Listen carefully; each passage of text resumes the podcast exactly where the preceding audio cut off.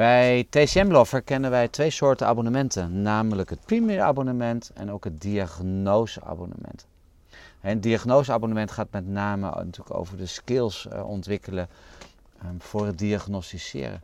Maar bij het premium abonnement en dan behandelen we topics. En um, ja, die topics zijn natuurlijk hartstikke handig voor jou als uh, student.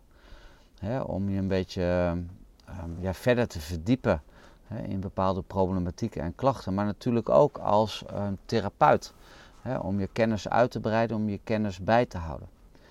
En dat premium abonnement is um, één keer in de twee weken. Hè, dan behandelen we een specifieke topic. Zo zijn we deze periode bezig met de verschillende vormen van uh, stagnaties. Want het is niet alleen maar lever-stagnatie, maar bijvoorbeeld ook uh, maag-stagnatie, stagnatie in de darmen, hart-stagnatie, mild-stagnatie.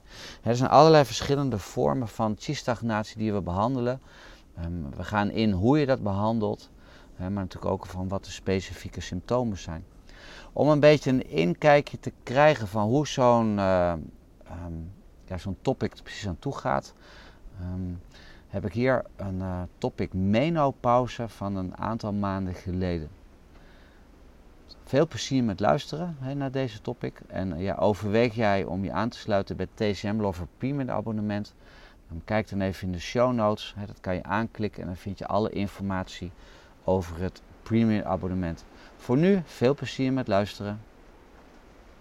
Goed zo, vanavond um, gaan wij het hebben over de menopauze. En ik zal eerlijk gezegd uh, nog niet weten. We zullen er in ieder geval twee keer over hebben, dus over twee weken weer. Maar wellicht ook, uh, ja, misschien nog wel een keertje daarna, ook als jullie belangstelling hebben voor eventueel welke punten en dat soort dingen.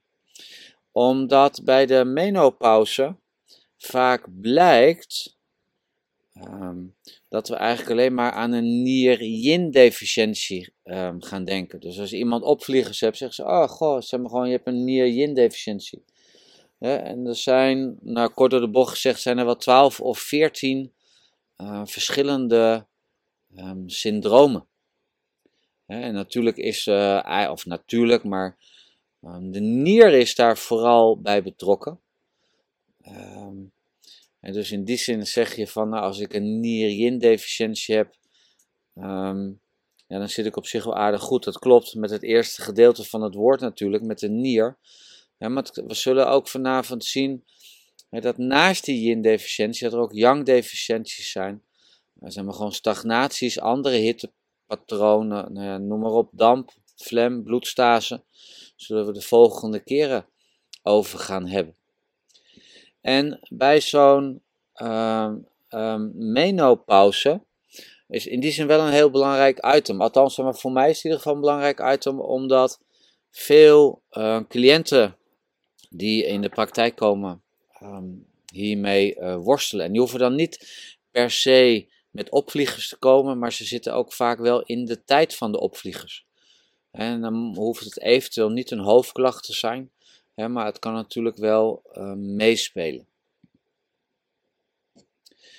Um, ik begin meteen even met de vraag die jullie in de um, chat mogen beantwoorden. De cliënt, uh, in dit geval, in deze casus, uh, die is 49 jaar oud, die is moe en heeft last van opvliegers. Noem eens een syndroom of het mechanisme hierachter van hey, iemand is moe en heeft opvliegers. Wat zou dat jouw inziens uh, kunnen zijn of kunnen veroorzaken?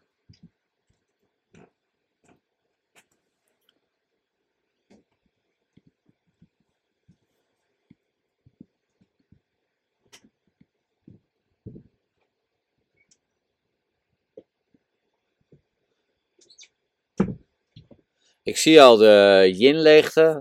ja, dat zei ik al in mijn inleiding. Want iedereen denkt opvliegers uh, vaak ook direct zijn we gewoon een yin-leegte. Zijn er eventueel nog andere, zijn er nog andere ideeën van moeheid? Ja, zijn we gewoon een chi-leegte, yin-leegte, uh, zijn we gewoon yang-leegte. Um, ja, moeheid is natuurlijk een symptoom. Hè, waar we vaak denken aan een mild chi-leegte. We denken vaak aan een long chi-leegte. Het zijn dus meerdere ook yang-leegtes, bloedleegtes, yin-leegtes.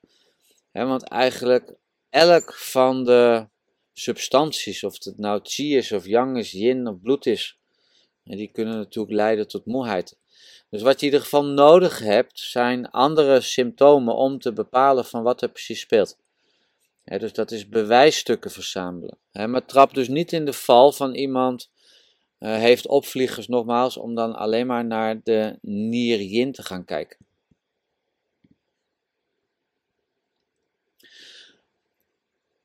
Als we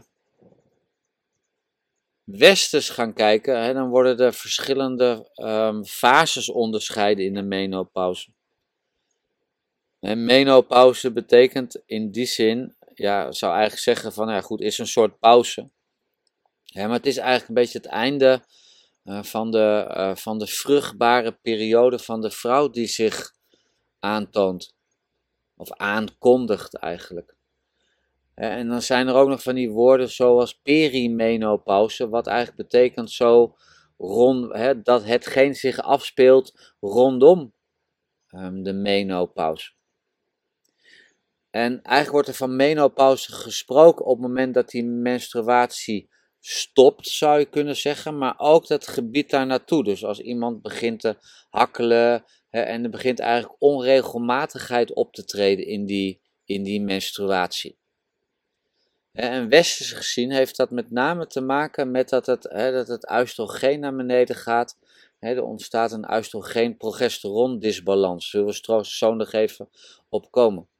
En uit onderzoek blijkt eigenlijk dat de voornaamste klacht bij die menopauze is, wat zich ook in jouw praktijk zou gaan melden, hè, dat dat de opvliegers zijn. Hè, de warmteopwellingen. En ongeveer 75% tot 85% van de mensen eh, met menopauze heeft dus die opvliegers als klacht. Wat altijd dus nog betekent dat 15 of 25 procent menopauze geen opvliegers heeft, maar dat dat wel onder menopauze valt. maar we zijn altijd zo geneigd, iemand die opvliegers heeft, bam, menop, menopauze. Maar onthoud dus dat dat ook kan zijn um, dat dat zonder die opvliegers is. En ook uit onderzoek blijkt dat 45% van diegenen uh, die opvliegenklachten hebben, hè, dat daar 45% daarvan, dus 5 tot 10 jaar later, nog last heeft van opvliegers. Dus dat is een hele, een hele lange tijd. Die opvliegers, um, of eigenlijk zijn we gewoon de menopauze. want als jij een willekeurig, uh, zeg maar gewoon, je gaat een boek bestellen of je gaat een naslagwerk bestellen en daar staan allemaal um, ziektes in, om het maar zo te benoemen. En eigenlijk ehm, kunnen we er best wel over discussiëren of menopauze hè, op zichzelf staand een, een ziekte is. Eigenlijk is het veel meer een, uh, een overgangsfase. Hè, van een bepaalde levensfase van de vrouw. Hè, van haar vruchtbare periode zou je kunnen zeggen naar de onvruchtbare periode. Hoe kunnen opvliegen samengaan met hartkloppingen? Of je dat even in de chat zou kunnen zetten. Over die overgangsfase gaan we straks nog even verder.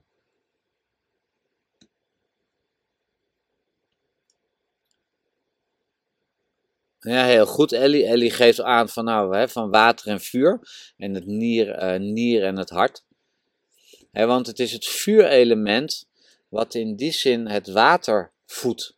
dus het vuur van het hart vuurt, uh, voedt sorry, in principe het nierien. En het nierien voedt op zijn beurt eigenlijk weer het vuur van het hart en koelt ook als een soort um, koelvloeistof. En op een gegeven moment, als dat nierien eigenlijk te zwak is om het vuur te koelen, dan krijgen we dus te veel hitte bovenin, hè, in, in, het, in, het, in het vuurelement. En dat kan dus in die zin die hartkloppingen veroorzaken of hartvuur veroorzaken, hitte in het hart. En op het moment dat dat hitte in het hart gaat ontstaan, hè, die warmte, hè, dan zien we dus ook nog eens een keer vaak dat het water eigenlijk eerder opdroogt door die hitte. Dus eigenlijk kom je dan in die zin in zo'n visueuze um, cirkel te zitten. dus in die zin eigenlijk hebben we correct geantwoord dat ehm, door die koeling hè, ontstaat er eigenlijk een disbalans in het hart. Als we toch in die vijf elementen zitten, dan zie je ook vaak dat in het houtelement heb je bijvoorbeeld stress hè, als, als oorzaak. Hè, dus iemand is, heeft last van veel levensstagnatie. En als we gaan kijken naar de um, opeenvolging, dan is het hout wat vuur voedt. En als er een excess is in het hout, dan geeft het houtelement, dat geeft dat excess door aan het vuurelement. Ik noem het altijd wel een beetje gekscherend. Die moeder geeft dat door aan het kind. Alsof je dan bij de McDonald's bent. En het kind wil eigenlijk helemaal geen hamburgers, maar je blijft er maar hamburgers in stoppen. En daardoor gaat dat excess van dat, dat duwen van wat die moeder doet, dat gaat dan eigenlijk over op het kind. En dat kan ook hartkloppingen veroorzaken. Die zijn dan eigenlijk wat meer zo nu en dan, omdat dat met name eigenlijk optreedt tijdens stress of tijdens emotie of tijdens, uh, tijdens spanning. Maar wat Ellie zegt met dat water en het vuur, met dat koelen en dat voeden van die twee elementen, dat is helemaal goed. Maar onthoud ook altijd dat het houtelement, of noem het leventiestagnatie, um, ook een belangrijke rol kan spelen. De klachten die optreden hè, zijn uh, um, vaginale atrofie, dus eigenlijk achteruitgang uh, zeg maar gewoon van, het, van het weefsel. Um, er treedt een ontspanning op eigenlijk van de bekkenbodem. Die bekkenbodemspieren die worden minder goed gevoed, die verzwakken. Waardoor er minder controle komt, wat leidt tot incontinentie. Er ontstaat duizeligheid, dove ledematen. Die hartklopping hebben we net al genoemd. Mentale problemen, slaapproblemen, uh, gewichtstoename kan ontstaan en gewrichtspijn. Zullen er vast nog wel meer zijn, maar dit is wat je in de westerse beschrijving vindt aan uh, klachten en als je zo leest met die atrofie en die ontspanning, dat zijn dan met name dat, zeg maar, het voedende. Duizelig zou ook natuurlijk uh, kunnen zijn dat zie en bloed, uh, zeg maar, gewoon de hersenen niet goed kunnen voeden. Dat zien we ook weer terug in die dove ledematen. Hè. Dat is vaak ook een lever-bloedprobleem die die ledematen niet goed kan voeden. Hartkloppingen hebben we het net over gehad. Hè. Dat is dat dat water het vuur niet kan koelen. Hè, maar hartkloppingen kunnen ook ontstaan hè, omdat het hart niet goed gevoed wordt. Maar er kan ook een stagnatie ontstaan, waardoor um, de voeding er wel is, maar dat de voeding er niet kan komen. En dan kennen we de mentale problemen, hè, het gewoon de genverstoringen. Zitten ook een beetje op het gebied als de hitte het hart gaat verstoren. Als de groen bijvoorbeeld uh, zich niet kan settelen in het bloed. Uh, ze mag wellicht bekend.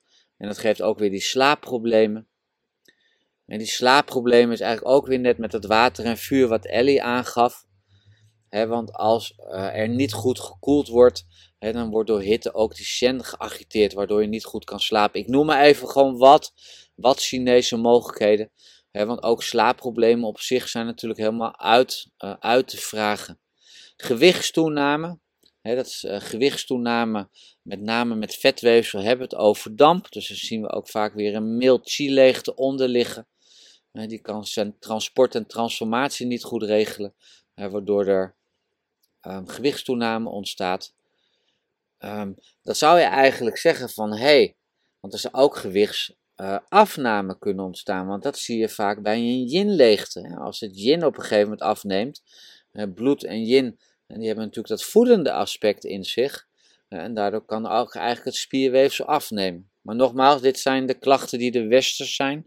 Wij weten natuurlijk in de Chinese geneeskunde dat er meer kan zijn. En wij zoeken ook naar de koppelingen tussen de symptomen. En dan zijn er natuurlijk ook nog uh, gewrichtspijnen die ontstaan. Dan komen we straks nog even op. Met name heb je natuurlijk ook osteoporose en verzwakking van botten. Um, hoe ontstaat dat osteoporose? Ik loop al een beetje vooruit op een, een van de volgende sheets.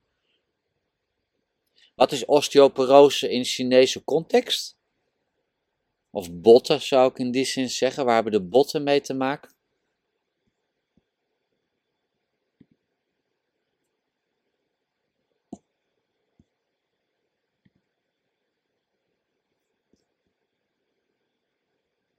Ja, bot is, bot is inderdaad nier. en het is met name, eigenlijk krijgen we het ook dat, zeg maar, gewoon een stuk natuurlijk met, zeg maar, met het merg. maar het is het jing, wat in principe, um, zeg maar, gewoon het, um, zeg maar, de botten vult. En die botten bevatten weer merg. En die merg maken ook weer bloed, et cetera. dus die nier is dus erg belangrijk. want die nier zorgt er met zijn jing voor dat hij die botten uh, sterk kan houden en kan vullen. Westerse gezien is die oplossing met name in verschillende variaties van hormoontoedieningen.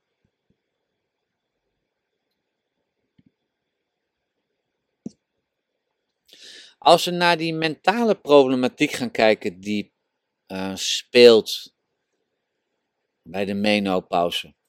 En dan zien we die ene mevrouw links, die zien we op een step. Ik kon niet echt een plaatje vinden met iemand met een heel vrolijk gezicht. En maar die ene zegt, hoera, mijn menstruatie is klaar, eindelijk ben ik er vanaf.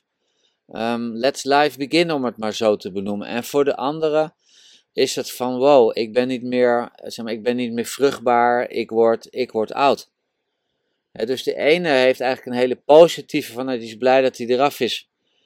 en terwijl de ander eigenlijk helemaal in een, in een depressie geraakt, omdat, omdat ze zich bijvoorbeeld geen vrouw meer voelt omdat ze vindt dat dat erbij hoort, of oud, of wat ook. Dus ook altijd afchecken hè, van jou als therapeut om dat te vragen van wat dat, van wat dat met iemand doet. Hè, maar je ziet dus dat het mentaal, uh, in het Westen in ieder geval, mentaal gezien, uh, twee, uh, twee kanten op kan gaan. En als je gaat kijken naar hoe dat zit in niet-westerse landen.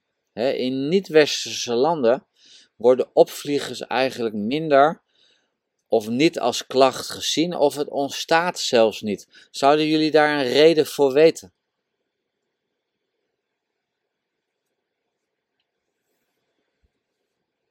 En misschien kan je die wel in een Chinese context zetten.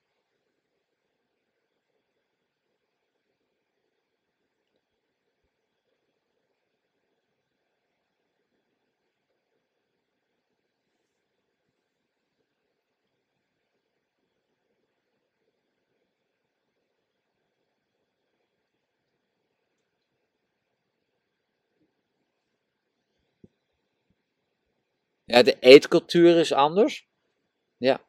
ze hebben wel eens een, uh, ook, een, ook een onderzoek gedaan naar zeg maar, Japan en dat soort dingen, waar veel soja gegeten wordt, genuttigd wordt. Uh, veel koelender. Uh, andere, andere eetproblemen, meer, meer yin-voedend um, voedsel. Sowieso. Um, in die andere landen zien we ook vaak dat de periode van de menopauze. Ik zal even kijken of dat op het volgende sheet komt te staan. Nee. Dat die periode van de menopauze wordt gezien als eigenlijk als een soort wedergeboorte. Dus op het moment van dat jij in de menopauze geraakt, word je eigenlijk als wijze vrouw gezien. En wij hebben hier eigenlijk een heel ander beeld van van als je in de menopauze raakt, weet je, dan ben je oud, dan word je stoffig, je krijgt grijs haar, noem maar wat. en uh, nou ja, ze hebben gewoon de, nou ja, het einde komt eraan, zou ik even heel plat zeggen. En dan zie je al, al, al die jonge mensen om je heen, et cetera, et cetera. Dus op het moment dat je in die opvliegers komt, denk je, oh jee. ik zeg maar gewoon, ik ga eigenlijk een andere fase van mijn leven in. En ja, bij veel cliënten die je in je praktijk krijgt, is die fase waar je ingaat, die wordt uh, mijns inziens uh, te laag dan te laag gewaardeerd. En op een gegeven moment dat jij zoiets um, anders, anders waardeert, en dan kan dat stress of kan dat ook spanning geven, wat ook weer opvliegers kan geven, door bijvoorbeeld die levertiestagnatie.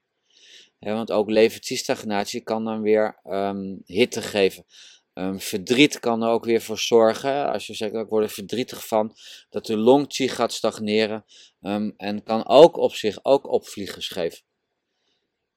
want onthoud in die zin ook altijd dat elke vorm van stagnatie, of het nou een chi-stagnatie is, of het nou een dampstagnatie is, of dat er nou een chi-leegte onder zit, waardoor uh, de chi niet meer goed kan stromen, en dan ontstaat er ook weer een stagnatie. En dat zijn eigenlijk die factoren die allemaal um, warmte geven. Maar dus in andere landen, uh, met name ook in de Afrikaanse, Zuid-Amerikaanse landen, wordt het moment eigenlijk bijna gevierd op het moment dat je de menopauze ingaat, omdat je dan gezien wordt als uh, wijze vrouw. En wat Stijntje in die zin eigenlijk ook zegt, ja, we blijven eigenlijk ook maar doorgaan, natuurlijk met presteren. We zijn natuurlijk een heel, uh, ja, een hout, uh, houtcultuur. met de hele tijd maar doorgaan van A naar B. En dat, en dat, en dat consumeert zeer zeker. dat consumeert chi. dat consumeert eigenlijk alles. Als we gaan kijken naar uh, de groepen vrouwen die eerder menopauze krijgen, dan zijn dat vrouwen die roken. Waarom is dat? Wat zou daar een verklaring in kunnen zijn, Chinees gezien?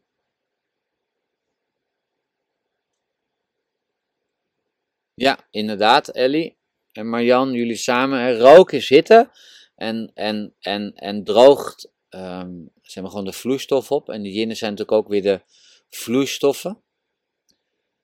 Um, ondergewicht wordt hier genoemd. Nou, met ondergewicht had ik net eigenlijk al uitgelegd dat op het moment dat jouw yin eigenlijk aan het afnemen is, um, wordt die voeding minder, waardoor je ondergewicht krijgt.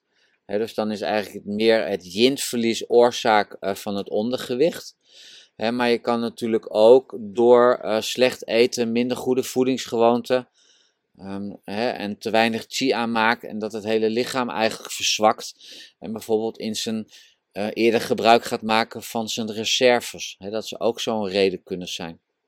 Stress. Kan je stress en menopauze verklaren? Je mag ook zeggen stress in relatie tot bijvoorbeeld een opvlieger, mag ook. Ja, is inderdaad de leventiestagnatie. En die leventiestagnatie die kan allerlei processen verstoren in het lichaam.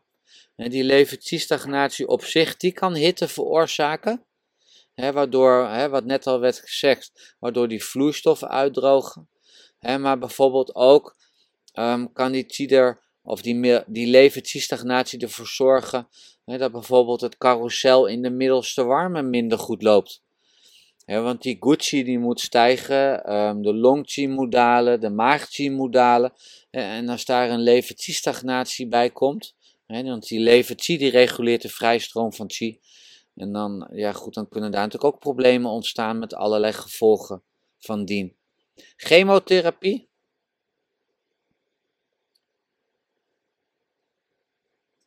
Waardoor kom jij eerder in de menopauze met chemo? Ja, is inderdaad heel goed, is toxische hitte. He, dus wederom hitte die die vloeistoffen opdroogt of uitdroogt. Hetzelfde geldt eigenlijk ook met radiotherapie, met straling, bestraling. Operaties in de onderste warme, waardoor zou je daardoor eerder in de menopauze kunnen komen?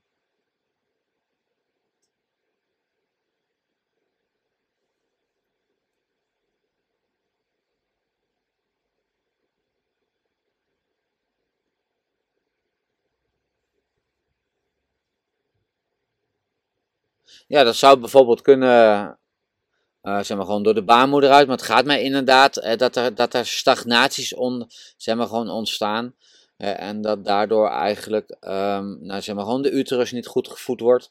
En denk er ook altijd aan dat als we het in de Chinese geneeskunde het over de baarmoeder hebben, dat we het ook over de eileiders hebben. Eigenlijk dat hele functionerende systeem.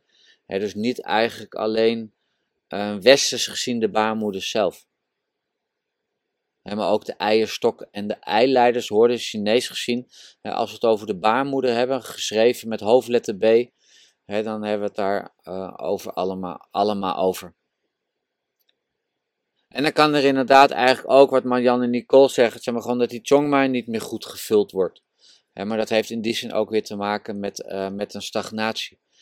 want um, menopauze is in die zin eigenlijk niets anders als een reorganisatie eigenlijk van de Chongmai en van de Renmai.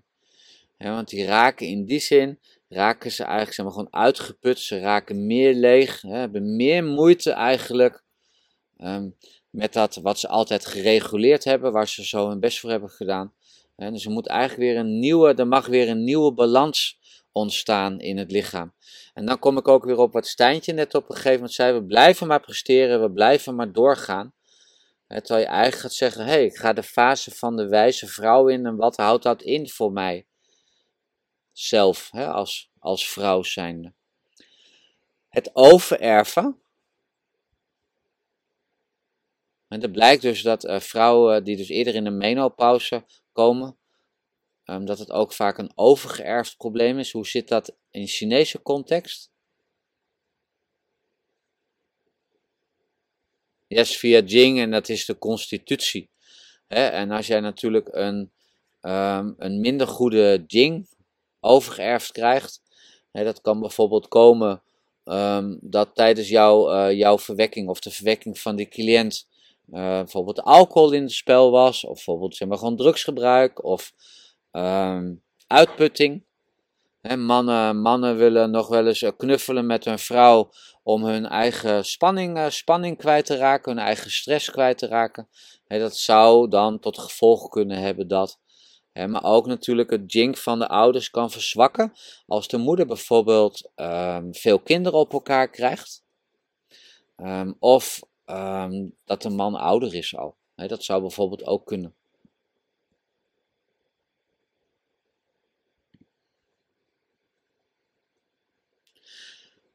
Het blijkt ook dat um, als mensen onderhevig zijn aan uh, premenstrueel syndroom, dat er ook meer opvliegers zijn, meer depressie is, slechte slaap en minder libido. Dit is nog steeds het westerse stukje waar we in zitten. we plaatsen het een beetje in Chinese context. Waarom zouden er meer opvliegers zijn in, en ook premenstruele klachten? En dit is eigenlijk allemaal nog westers hè, wat we doen.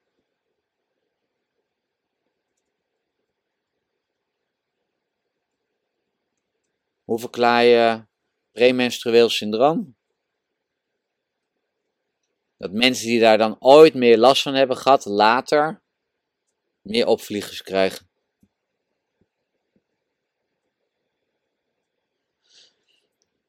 En het premenstrueel syndroom, denk dan eigenlijk direct aan, want jullie hebben net al een aantal keer het antwoord gegeven.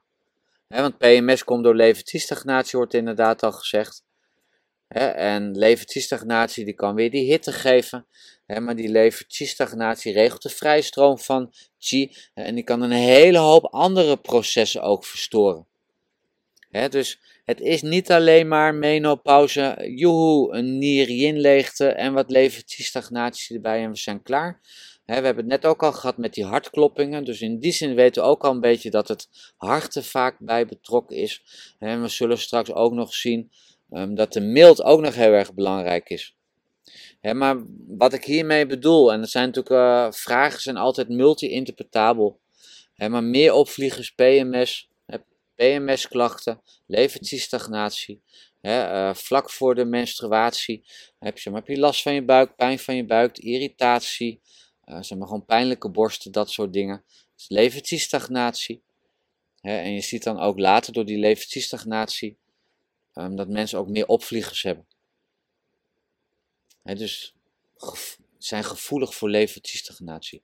Die meer depressie hangt daar natuurlijk ook mee samen denk aan depressie natuurlijk niet alleen maar aan dat, dat iemand leeg is, of dat iemand een bloedleegte heeft. Ook levertiestagnatie kan de boel behoorlijk in de war sturen. En dan heb je eigenlijk ook mentaal weinig, weinig zin om, uh, om dingen te ondernemen. Ook dat slechte slapen, levertiestagnatie, geeft ook weer hitte. dus die levertiestagnatie, hitte, agiteert de shen. dus eigenlijk zie je die concepten zie je eigenlijk steeds weer terugkomen naar minder, minder libido. we zien minder libido natuurlijk, dat is je, zeg maar, gewoon je seksueel uh, drive. Die zien we terug bij bijvoorbeeld ook yang-leegte, dat er te weinig yang is, maar ook bij een levertiestagnatie. Want als jij te veel stress, te veel spanning uh, in, jou, in jouw lichaam hebt, ja goed, dan moet je, ja, goed, dan moet je daar niet aan denken. dus ook uh, libido Tuurlijk, als jij, als jij opgezette enkels, een koude onderrug, veel plassen s'nachts vindt, dan is dat yang gerelateerd. Maar als jij minder libido vindt in context, uh, met last tussen de schouderbladen, pijnlijke, pijnlijke schouders, veel zuchten, gebalde vuisten, de gespannen kaken, en dan kun je hem dus in een hele andere context plaatsen. En in dit geval met PMS in het gebied van de levertiestagnatie gaan zoeken. Als zo langzamerhand het overstapje gaan maken naar eigenlijk naar meer Chinees. En dit zou je misschien wel al een beetje bekend voorkomen. Het hart stuurt het bloed via de bouwmijn naar de baarmoeder. Dus het hart is in die zin uh, een belangrijke factor in dat voeden van het hart, maar ook in het reguleren van die menstruatie. De nier die stuurt, stuurt Jing via de Bao Luo naar de baarmoeder.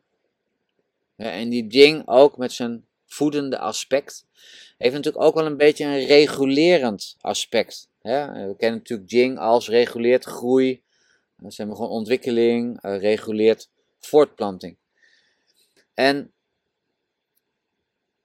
dat doen ze eigenlijk elke maand, laten we zeggen elke dag, elk moment van de dag zijn ze daarmee bezig. En op het moment dat dit stopt, of dat dit vermindert, dan kan je dat dus uitleggen van, ik zeg het even heel met een etiket erop, van goh, ik word oud. Een andere uitleg is dus dat die jing en dat bloed dus eigenlijk niet meer met de menstruatie uit het lichaam verdwijnen. Want let wel, in vroegere tijden gingen vrouwen die een menstruatie hadden, hè, die verzamelden zich en die gingen in, in, in iets zo van een menstruatiehut. Maar daar was uh, rust en daar kon je bijkomen van dat, van dat moment. Nu is het zo, als je menstruatie hebt, dan moet je doorgaan en slik maar eventueel de pil, want dan heb je er helemaal geen last van. Maar dat overschot van dat jing en van dat bloed, dat mag dus eindelijk een keer in het vrouwenlichaam eigenlijk achterblijven. En dat overschot van de jing en van dat bloed, dat gaat dan eigenlijk naar de spirit. Dat gaat eigenlijk naar de shen. Dat gaat eigenlijk naar het hart. En vandaar ook eigenlijk dat je kan redeneren van je bent in de fase aangekomen van de wijze vrouw. En dan komen we natuurlijk hier in het Westen een beetje, ja, is dat natuurlijk lastig qua cultuur. Maar het is natuurlijk mooi om daar met z'n allen aan te werken, om daar een ander ja, goed dat, dat we daar een ander beeld van kunnen vormen. En misschien kan je deze uitleg daar ook voor gebruiken als iemand, als iemand dat negatief ziet. Ja, en heel mooi gezegd um, noemen ze dat ook wel een hemelse, een hemelse wedergeboorte. je hebt natuurlijk die Chen, uh, die Chen Kui, dat hemelse water, wat op een gegeven moment begint te stromen volgens de, volgens eh, de Suen, met die, op die leeftijd van 14 jaar. en op een gegeven moment neemt dat natuurlijk in die zin gaat dat ook weer afnemen. Want in welke uh, jaren werkt het de, de vrouwelijke cyclus volgens de Suen? Weten jullie dat? Ja, inderdaad, in zeven jaar.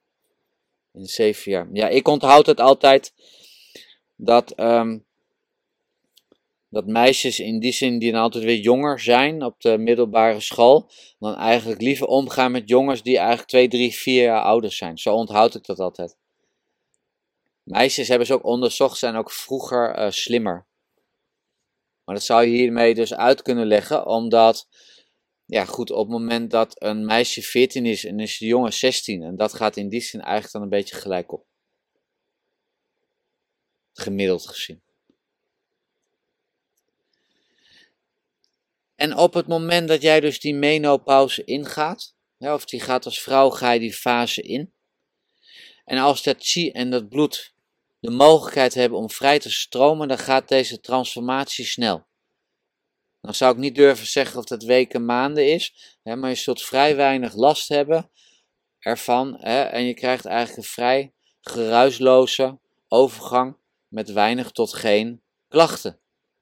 Maar nu kun je begrijpen, als die levertiestagnatie optreedt, als die door die operatie die bloedstase optreedt, hè, als je doorwerkt, als je rookt, gerookt hebt en jou, het wil niet zeggen dat iedereen die rookt daardoor last krijgt van de menopauze, maar de kans bestaat, hè, dus als je gerookt hebt en jouw yin is daardoor eigenlijk wat opgedroogd, hè, dan kun je dus daar transformatieproblemen in krijgen. Het kan ook zo zijn dat op het moment dat jij, of dat je cliënt, maar ik praat even over jij, dat je zo'n fase ingaat.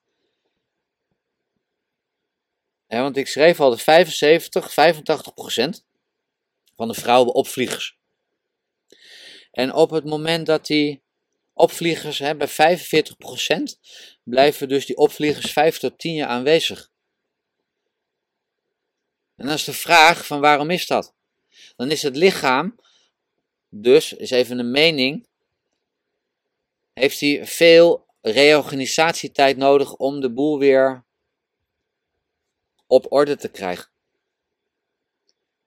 En waarom is dat? Heeft dat te maken bijvoorbeeld met de eigen kostbaarheid? Heeft dat te maken met wie jij bent? Is er nog iets wat hindert om de fase van wijze vrouw in te gaan? Dan kom je eigenlijk ook een beetje op het gebied van zelfonderzoek uit. van zeg maar gewoon wie ben ik en hoe is mijn leven tot nu toe gegaan en dat soort dingen. En ik wil niet zeggen het is, maar je kan dat in die zin natuurlijk wel meenemen of eventueel bespreekbaar blijven van goh, hoe zit dat bij de cliënt of hoe zit dat bij jou?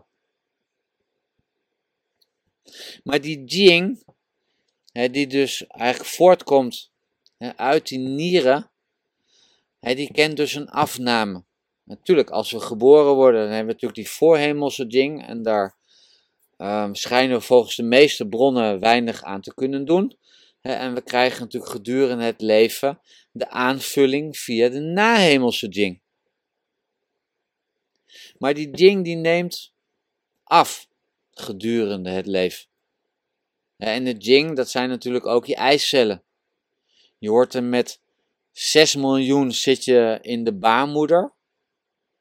Zeg maar anders foetus hebben ze dat berekend dat die ongeveer de 6 miljoen hebt. Kan je bijna niet voorstellen.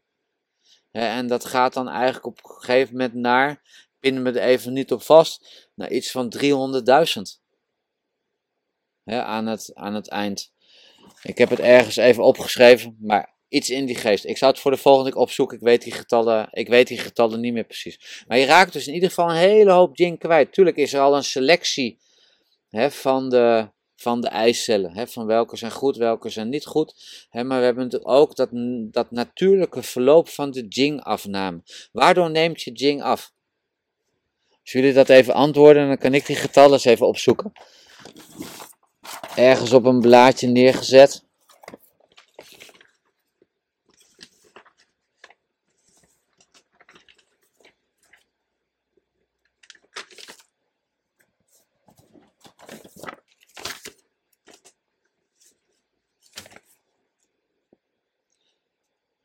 Je wordt geboren als, uh, als een foetus heb je dus 6 miljoen. Tijdens de geboorte nog 600.000 eicellen.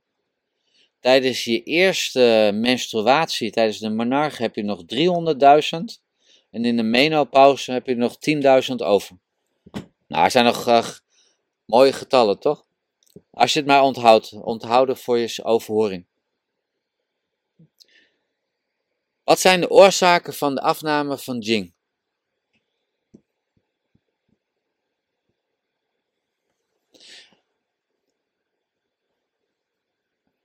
En niet te ingewikkeld nadenken, want waardoor, waardoor raak je het kwijt? Inderdaad, ik zie nu langskomen veel kinderen. De menstruatie natuurlijk zelf, had ik net al verteld. Hè, van het jingen, van het bloedverlies. Te verwerken, weinig rust, slechte voeding, burn-out, crisis wordt genoemd. bij mannen zijn begonnen ejaculatie. Ja, ik zie al uh, rust, reinheid en regelmaat. Mooi. Dus er zijn verschillende factoren van, uh, van de afname natuurlijk van Jing. En wat die Jing te maken heeft met osteoporose, dat is natuurlijk omdat die nieren, die nier is botten. die, uh, die vraag had ik al eerder gesteld, maar die kwam dus nog eens een keer naar, uh, naar voren. Trauma's inderdaad. Heel goed er nog, Stijntje. Ja. En natuurlijk ook een zware, zware omstandigheden, zware, zware levensstijl. En als we even een kijkje gaan nemen bij dat Nierjing, dan is het Nierjing eigenlijk, er staat in bronnen geschreven, dat het Nierjing eigenlijk het yin in vloeibare vorm is. Er zijn ook weer bronnen die zeggen Nierjing is weer de basis van zowel het Nieryin als het Nierjang. En dat dat Nieryin opvliegers kan geven, door die afname van yin en het ontstaan van het relatief te veel aan yang, wat hitte geeft dat is in die zin bij de meesten wel een bekend verhaal. of ergens heb je daar misschien wel eerder van gehoord. En met name manifesteert dat Nieryin zich s'nachts. omdat in de nacht de Weiqi het lichaam binnengaat. He, die Weiqi die trekt het lichaam binnen en er ontstaat eigenlijk nog meer overschot van yang binnenin, terwijl er al zo weinig yin is. En dat geeft hitte maar ook het Nierjang kan opvliegers veroorzaken. En dan heeft iemand dus opvliegers gecombineerd met koude handen, koude voeten, opgezwollen enkels en eventueel een koude onderrug. Maar hij heeft wel die warmteopwelling. Hoe? Wat is het mechanisme daarachter?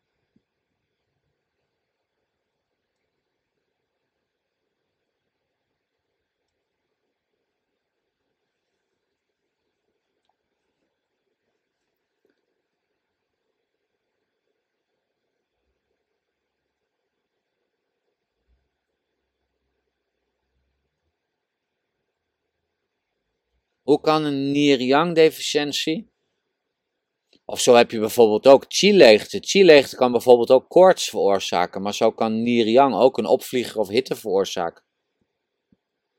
Als je denkt, ik weet het niet, dan mag je ook een vraagteken sturen. Of ik denk dat jullie een heel lang verhaal aan het typen zijn, dat ze ook kunnen.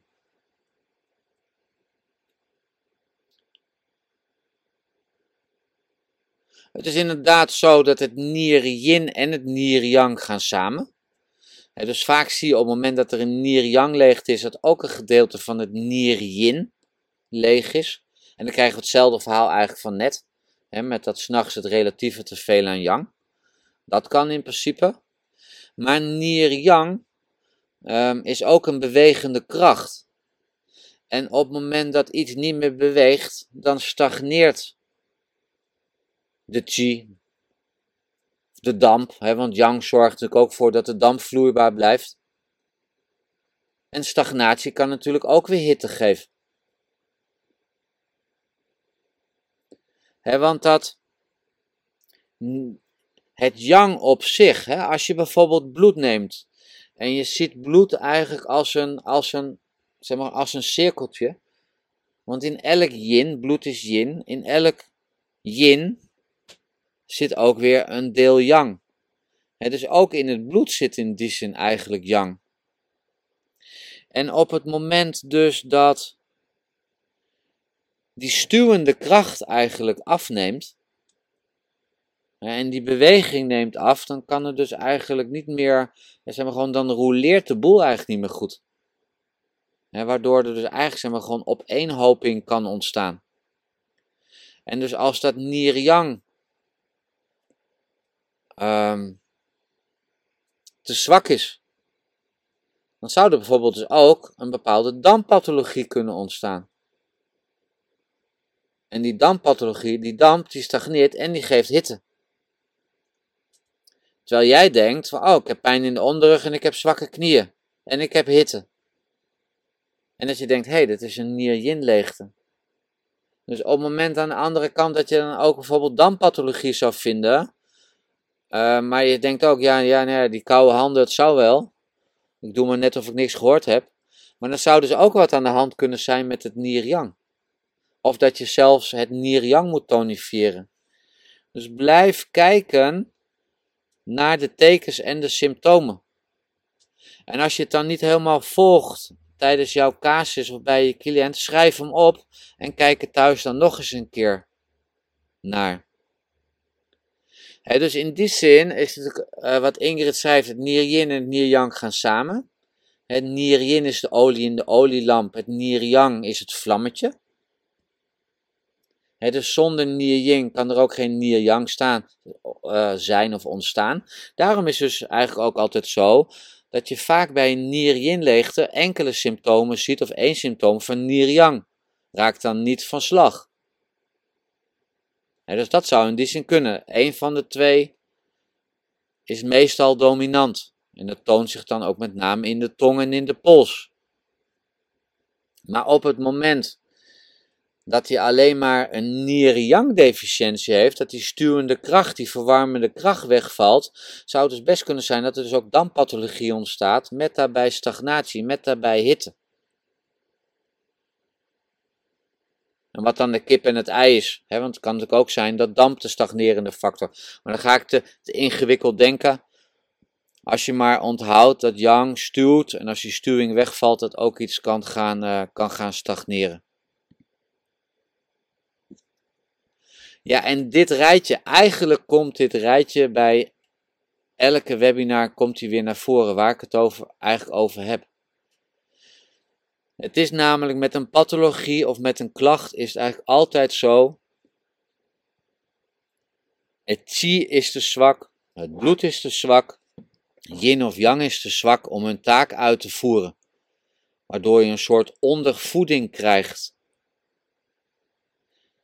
Maar het kan ook zijn dat er een blokkade aanwezig is. Het kan er niet komen. En als het er niet kan komen, krijgen we natuurlijk ook in dat gebied erachter ook een verzwakking. En waardoor kan het niet komen? Nou, het kan er komen door damp, door vlam, door hitte. dat soort zaken. Zeg maar gewoon een liver yang rising. Een chi-stagnatie, bloedstagnatie. dus die damp kan stagneren, kan hitte geven. Vlam kan stagneren, kan hitte geven. Nou, hitte, hitte natuurlijk op zichzelf. Bijvoorbeeld bij een nier-yin, nier-yang leegte, ook een lever-chi-stagnatie kan aanleiding geven tot een liver-yang rising, wat ook wel een, zeg maar, gewoon een hittegolf, hittemoment geeft. Nou, de chi-stagnatie, bloedstagnatie, die wijzen um, zeg maar, op zichzelf.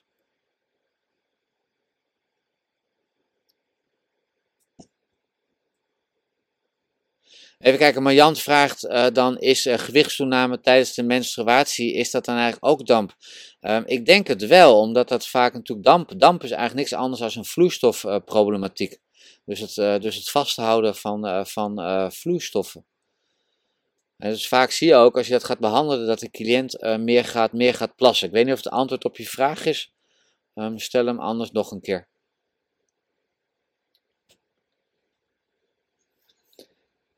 Ja, zoals we net al vertelden, hè, met dat Jing-verval, eindelijk is er geen menstruatie meer, dat chi en bloed blijft over. En het gaat dus eigenlijk naar de spirit.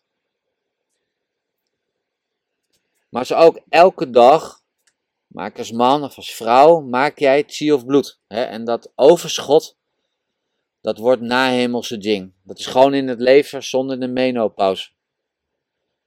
Want Jing heeft natuurlijk een voorhemels karakter, maar kan worden deels worden aangevuld en dat noemen we dan de nahemelse jing. En dat gebeurt natuurlijk zeg maar, via de mild maag.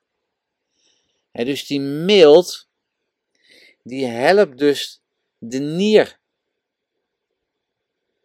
Want in eerste instantie, als ik hier misschien had neergezet van hoe helpt de mild de nier, dan zou je misschien denken van jeetje. Maar als jij dat in het concept plakt van hé, hey, die nahemelse jing, en je denkt, hé, hey, dat, dat doet de mild, ja, logisch. Dus die mild is naast dus die nieren die we net hebben gehad, en we hebben het hart gehad, is dus die mild dus eigenlijk ook van extreem belang om dat jing op peil te houden. En is die mild niet op peil, hè, verzwakt die, hè, die bloedaanmaak, en dan kan hij die nahemelse jing niet voeden, dan krijgen we dus eerder jingverval en ook dus die menopauze komt eerder. En de bewering is in die klassiekers dat rond het 35ste levensjaar dat die miltje-verzwakking optreedt.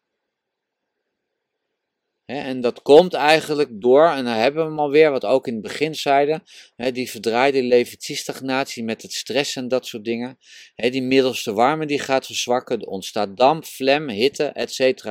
En dan komen we eigenlijk weer op die lifestyle factoren die ik net al, of die jullie net al samen hadden genoemd te veel kinderen achter elkaar, uh, drugsgebruik, alcoholgebruik, slechte voeding.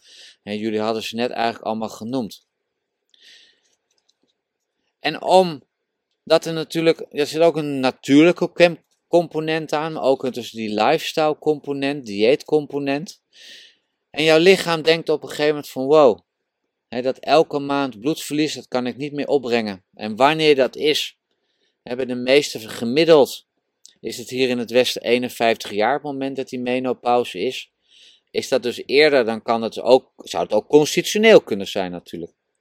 maar er is op een, moment, een bepaald moment dat het lichaam zegt van wow, ik ga stoppen met het bloedverlies. Ik ga stoppen met die menstruatie, want het lichaam heeft het dus zelf nodig.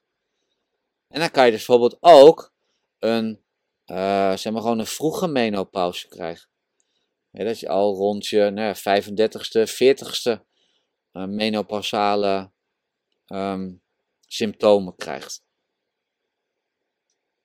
En maar onthoud dus dat ook die mild dus belangrijk is. Dat ook een mild deficiëntie een rol kan spelen bij menopausale klachten.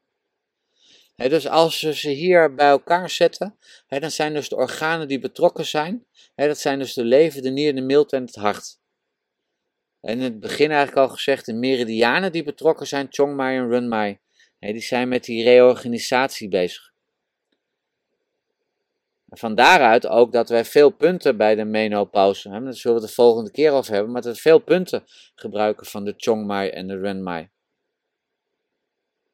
En er staat zelfs ook geschreven dat um, de niermeridiaan een aftaking is van de Chongmai. Hè, want de Chongmai is de eerste meridiaan Um, die scheidt eigenlijk die eicel, als die net ontstaan is, die spermacel is die eicel binnengedrongen en de boel sluit zich. En dan krijgen we de eerste celdeling. En er staat geschreven dat dat de chongmai is.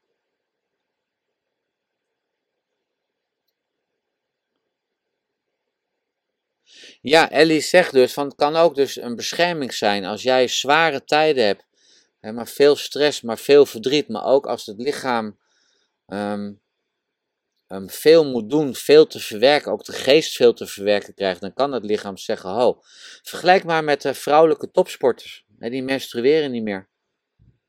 dat is gewoon gestopt. Is ergens anders eigenlijk voor nodig. Het lichaam gebruikt dat voor andere dingen. Wat dat betreft heel mooi geregeld. Of het allemaal zo goed is, dat is natuurlijk de vraag. Vaak zien we dat de menopauze ook start um, met menstruatieprobleem. Het kan dus een vroege menstruatie zijn, erg veel menstruatie zijn, lekker. Dat zou kunnen. Als je die bovenste drie neemt, vroege menstruatie, kan vroeg zijn. Dus dat betekent dat je korte cyclus hebt. De menstruatie kan ook hevig zijn. Dat kan ook, eh, zeg maar, gewoon continu dat je spotting hebt. Wat zou de gemeenschappelijke oorzaak van die bovenste drie zijn, die met die puntjes?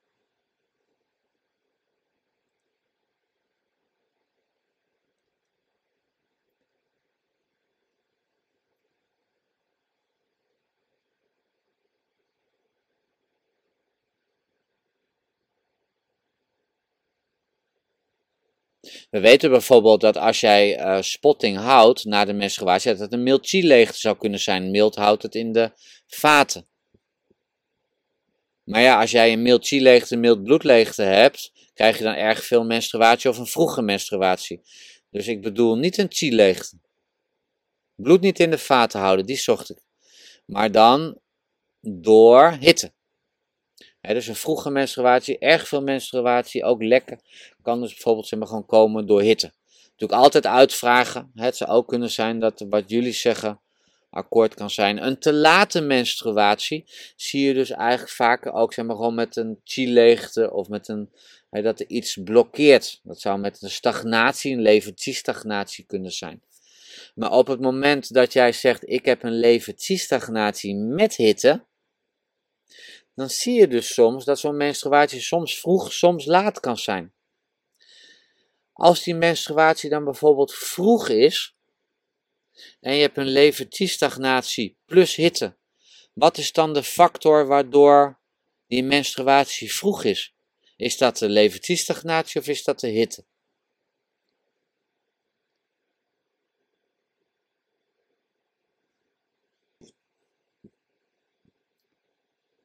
Ja, dan is het de hitte wat hem vroeg maakt. Dus vrouwen die bij jou komen en die zeggen, oh de ene maand heb ik dit en de volgende maand hebben ze weer lang en dan is ze weer vroeg en dan is ze weer laat. Dan kan het dus zijn dat bij die vroege menstruatie de levensstagnatie een rol speelt waarbij die hitte geeft. En die hitte die zorgt dus dat het vroeg wordt. De maand erop blijkt dat uh, bijvoorbeeld de stressfactoren zijn afgenomen, minder levensstagnatie, waardoor er eigenlijk geen hitte ontstaat. Er is wel levensstagnatie, maar geen hitte. Dan kan bijvoorbeeld zijn dat die menstruatie langer is. dus zo kan op een gegeven moment even de factor hitte een rol spelen, maar de volgende maand weer niet. En dat kan dus de oorzaak zijn bijvoorbeeld van soms vroeg, soms laat. En als we naar die hitte gaan kijken, dan kan dat een pathologische hittefactor zijn, bijvoorbeeld die levensstagnatie die hitte geeft. maar er wordt ook geschreven dat die wedergeboorte eigenlijk wel met hitte gepaard moet gaan, omdat die hitte op de een of andere manier reinigend werkt, ook voor je systeem. En dan komen we eigenlijk weer op die reorganisatie uit, al in die zin al eerder genoemd. Oftewel dat je misschien nog wat uh, te doen hebt. Maar nogmaals, doe dat met een vraag. Geef dat niet als een, als een etiket.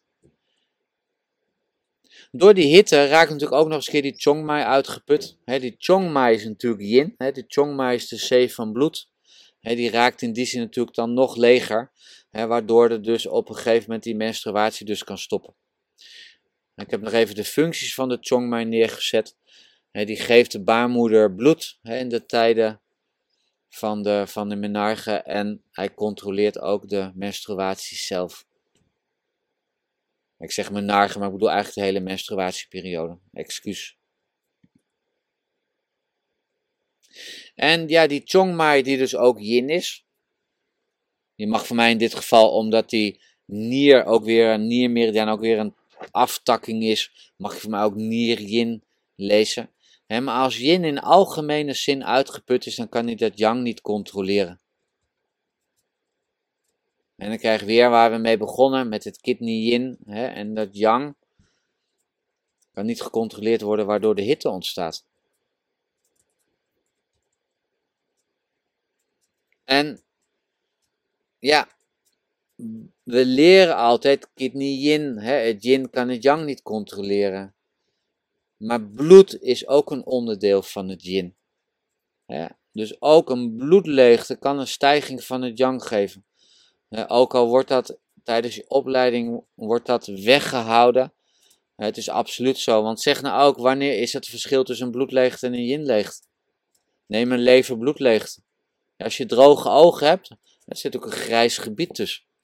Er is ook een bloedleegte. En bloed is ook yin. Kan, een, zeg maar gewoon, kan die relatieve te veel aan um, yang geven, waardoor de hitte ontstaat. Als we nog even naar die yang leeg gaan kijken, want die yin, die begrijpen we, want yin is dat koelende element, hè, met dat water en dat vuur waar we het net over hebben gehad. Als we gaan kijken naar het yang, we gaan naar het vuurelement van het hart. En dan gaat dat yang dat gaat dalen om het ming-meng te voeden. dus eigenlijk hebben we een bovenste vuur en een onderste bron van het vuur. En dat yang uit dat hart dat daalt. We altijd denken aan yang aan het stijgen, maar er is ook nog een, een, zeg maar gewoon een yang variant die ook nog eens een keer voedend is. Die dus eigenlijk het contact onderhoudt met de nieren. die, het, dit, dit hebben we het eigenlijk over de hart-nieras. En op die manier wordt eigenlijk het yin gevormd. Maar stel nu dat het yang op de een of andere manier niet kan dalen, kan je stagnatie krijgen. Waardoor je dus bijvoorbeeld hitte krijgt. En dan kan dat zijn dat dat een stagnatie is van de shen, maar denk ook aan bijvoorbeeld aan een longstagnatie. Kom ik weer even op verdriet of rouw of dat soort zaken. En dus dan kan je je letterlijk voorstellen dat dat yang niet naar beneden kan gaan hè, om, dat, om dat yin te voeden, om dat yin te vormen. Dat kan dus komen door een stagnatie, maar ook als je dat niet goed dat yin kan vormen, krijg je dus eigenlijk ook weer een yin leegte. En dan krijg je ook weer een relatief te veel aan het vuur. Of een relatief te veel aan vuur. want doordat die yin weer afneemt, krijg je weer een relatief te veel aan yang. dus er kan een stagnatie tussen zitten.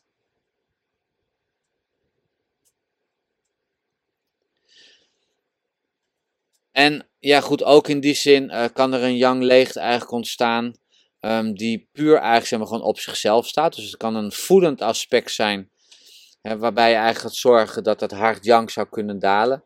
Dus eigenlijk even puur, puur in die zin zeg maar gewoon theorie. Hè, maar denk ook aan die yang leegte, dat voorbeeld had ik al eerder gegeven. Hè, die yang, die moet eigenlijk zeg maar gewoon dat yin, hè, moet die, moet die kunnen duwen. Dat is de bewegende, de bewegende factor. En als je dat niet doet, hè, dan kan dat yin eigenlijk zeg maar gewoon accumuleren. Dat kan ophopen. Dat kan als het ware damp geven. dus dan moet je in die zin eigenlijk dat yang uh, zeg gewoon versterken of weer laten, weer laten bewegen. En blijf daarbij altijd naar de andere elementen, uh, sorry, andere symptomen kijken.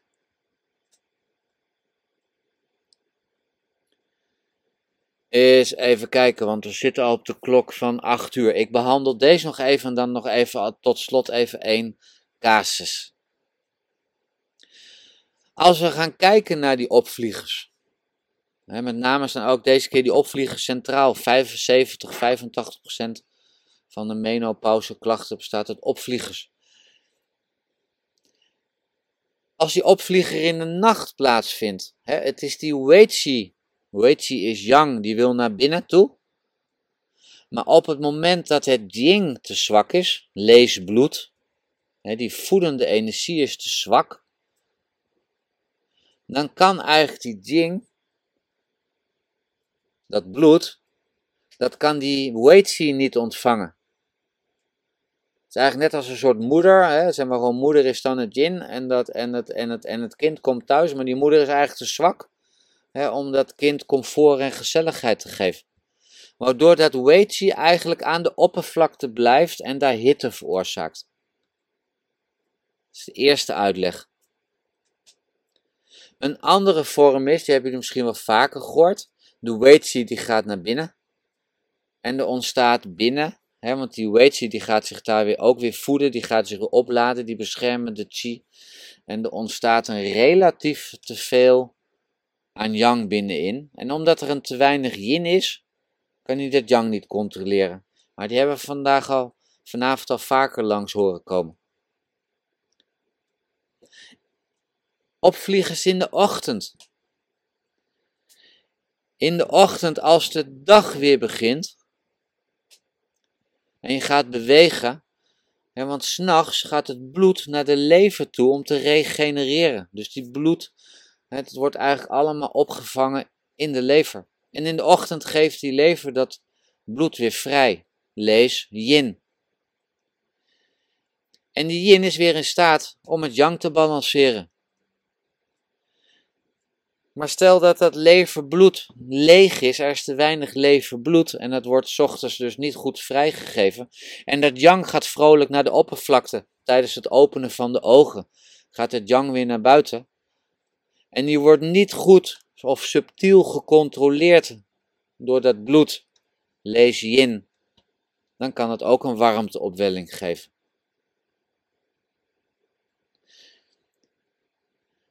Of, want het openen en sluiten van de poriën, hè, wat we bij een long chi neerzetten, bij een long chi leegte, spontaan zweten, het openen en sluiten van de poriën wordt niet goed geregeld. maar dat is eigenlijk ook een jonge, een jonge eigenschap, dat controleren.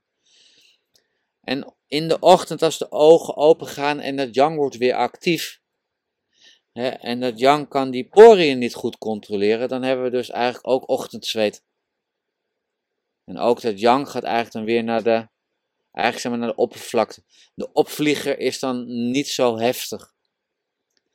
Als we een opvlieger in de middag hebben, want het yang is op het toppunt om 12 uur middags en daarna gaat het yang weer afnemen en dan gaat het yin weer toenemen.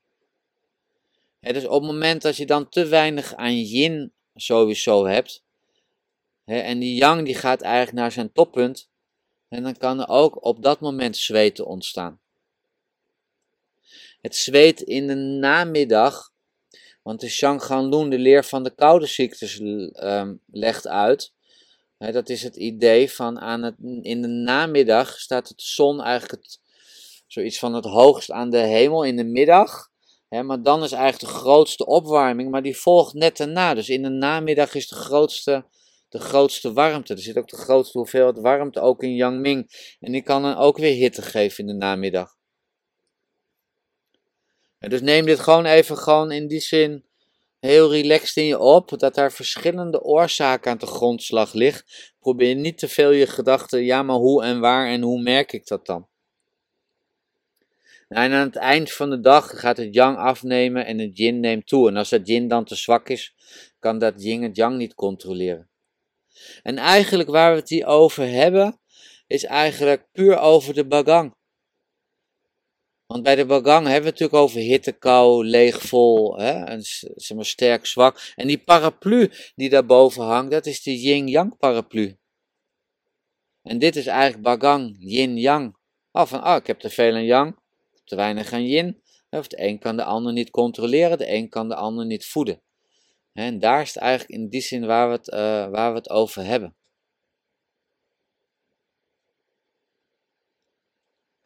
Doe vandaag één casus. Ik eh, bewaar dan de andere casus voor de volgende keer.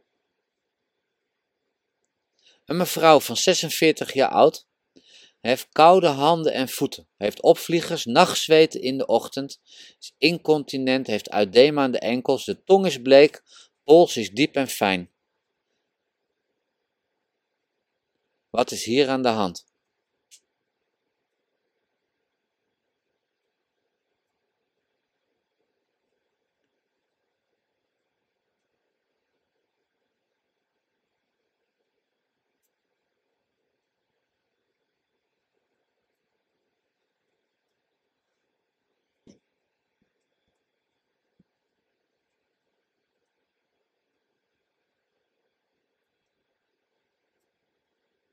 Ja, en ga in die zin. Ik weet dat het, nu dat het nu het lastig is, omdat je op die opvliegers zit te kikken. Dat je denkt, ja, maar opvliegers is toch nier leegte, zeg je systeem.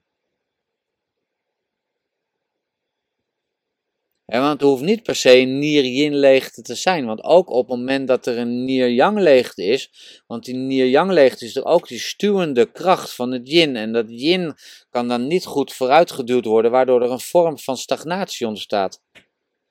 Dus denk alsjeblieft niet op het moment dat jij een opvlieger ziet, of ergens in een zin een opvlieger leest, dat je dan eigenlijk meteen denkt van bam, van dat is het. En inderdaad, hè, zeg maar, ook die poriën wordt niet geregeld, dus het komt eigenlijk allemaal makkelijker ehm, ehm, naar buiten toe. En eigenlijk gek, hè, nachtzweten in de ochtend. We zouden misschien beter kunnen zetten zweten in de ochtend. En natuurlijk kan er ook dampathologie bij zitten, dat zou kunnen maar dan zou de tong misschien wel eerder gezwollen zijn. Dan zou de tong misschien ook wel een dampbeslag hebben. En dan zou de pols ook uh, als slippery gekenmerkt worden in, jouw in jouw casus. En Marjan en Nicole die zeggen ja, nier-yang leegte met een nier-yin leegte en de overheersing van de ander. Um,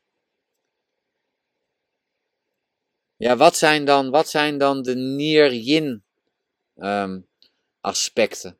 Misschien denk je aan die opvliegen meteen aan nier-yin, maar ik zou wel heel graag willen dat jij na deze webinar of de volgende of die daarna komt, misschien wordt het er wel drie, dat je niet denkt opvlieger yin leegte.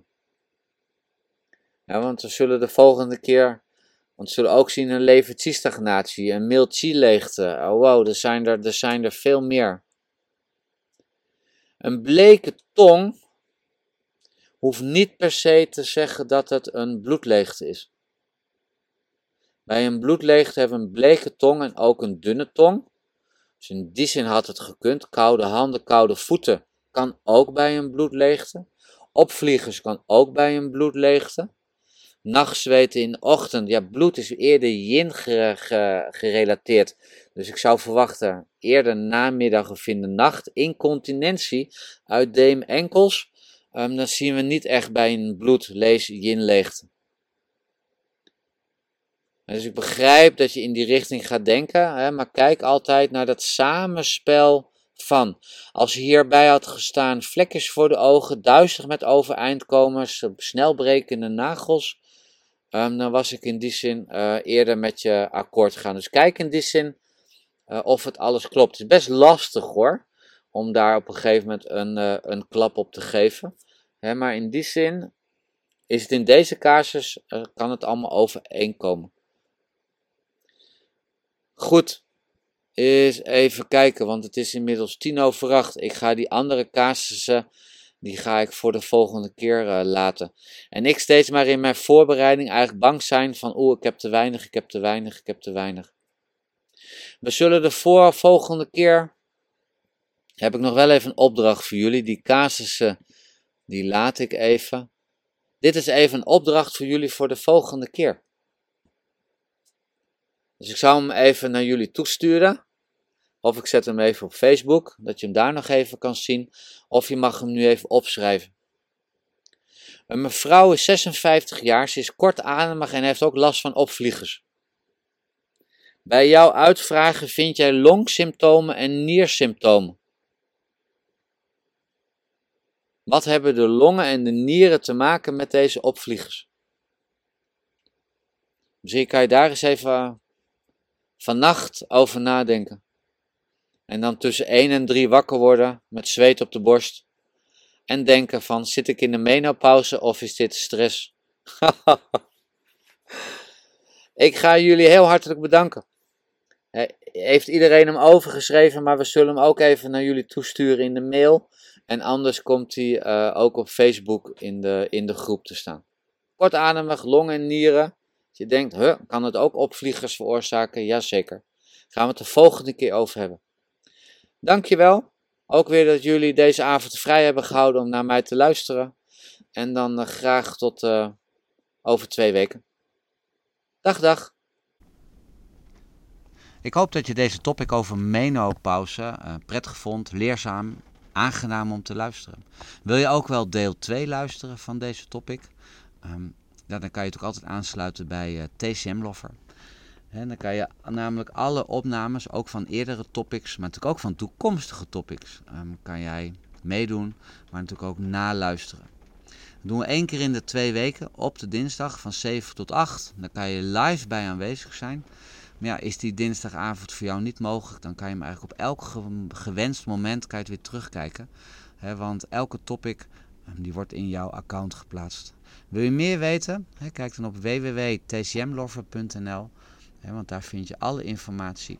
Of klik even um, onder de podcast uh, de informatie aan, want daar vind je ook een link. Dankjewel.